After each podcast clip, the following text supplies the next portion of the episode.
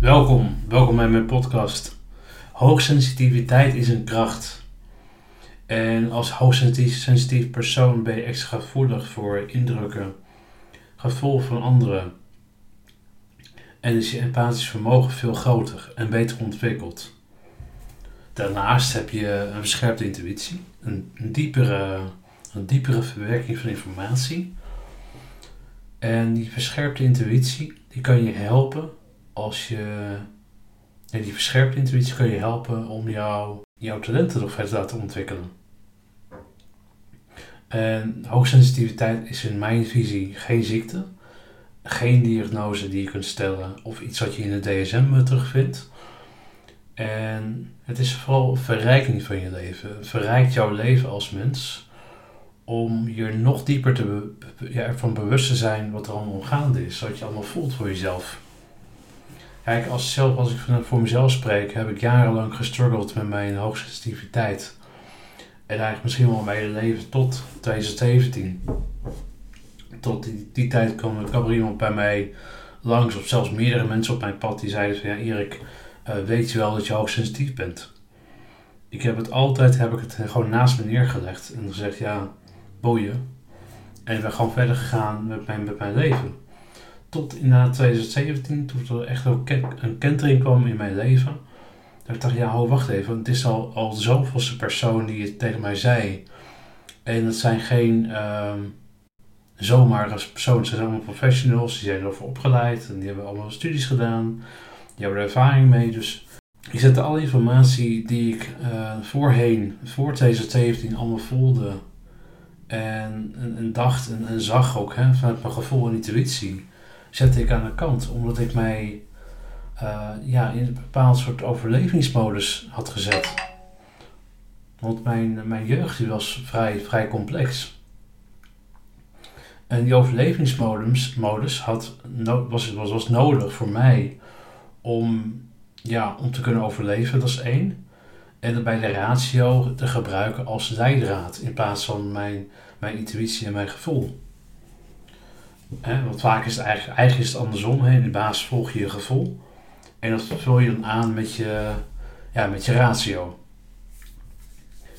En ja, ik heb me jarenlang als een soort van zombie gevoeld. Een zombie door het leven gaan, ja, als een robot door het leven gaan. Uh, die, die modus, die overlevingsmodus, was voor mij heel belangrijk om te kunnen overleven in mijn jeugd, in mijn jongere jaren. En toen die persoon het zei in 2017, ja Erik, weet je wel dat je hoogsensitief uh, bent? Toen ben ik mij echt gaan verdiepen in, in het onderwerp HSP. En het voelde eigenlijk als thuiskomen. Het, het is heel gek, het voelde als thuiskomen. Want alle informatie dat ik las, dat was voor mij zo herkenbaar. En toen dacht ik, wow, ik dacht dat ik al die jaren gek was. Misschien. En veel, gebeurten, veel gebeurtenissen in mijn leven die vielen ook op zijn plek. En ik weet nog heel sterk toen ik naar mijn opa en oma ging. En ik nam altijd bloemen mee voor mijn oma. En ik, ik kwam een keer zonder bloemen aanzetten, omdat het gewoon, ja, ik, had, ik had gewoon geen geld meer. Hey, ik kom uit het bijstandsgezin er was altijd geldstress, altijd geldproblemen. Um, maar, dus ik kwam zonder bloemen bij haar aan omdat ik geen geld had. En ik voelde haar teleurstelling van mijn oma zo diep zo diep in mijn hart, alsof ik diegene was die teleurgesteld was. En ik kon het op dat moment eigenlijk niet plaatsen. En ik dacht, ja, ik druk het gewoon weg. En ik verdoof het of ik doe iets anders. Ik druk dat gevoel gewoon weg. Maar ik voelde het zo sterk, zo intens. Dat ik dat eigenlijk gelijk al koppelde op het moment dat ik daar meer over ging lezen, lezen over hoogsensitiviteit. En dat geldt ook voor ruimtes. Kijk, waarschijnlijk herken je dat misschien ook wel als, als, als luisteraar. Joh, je bent in een ruimte even vol, vol een bepaalde vibe. Ja, dat kan een hele positieve vibe zijn, hè, waarvan je denkt van hé, hey, dat is lekkere energie, daar wil ik graag blijven. Of het kan juist een vibe zijn waarvan je, dan hoor je de opmerking die gemaakt wordt, de spanning is om te snijden, die, die, die is niet voor niets. En dus dat, dat is een heel sterke frequentie, zeg maar, die je heel sterk aanvoelt. Want ik ken ook mensen die dat helemaal niet voelen. En, en dan vind ik het interessant om van hun te horen, wat ervaar jij dan? Want voor mij is het heel erg obvious, heel erg duidelijk van oké, het is spannend om te snijden, ik voel het. Maar ik zeg het niet, want dat, dat was misschien gewoon lullig uh, voor de personen die, die daar zijn.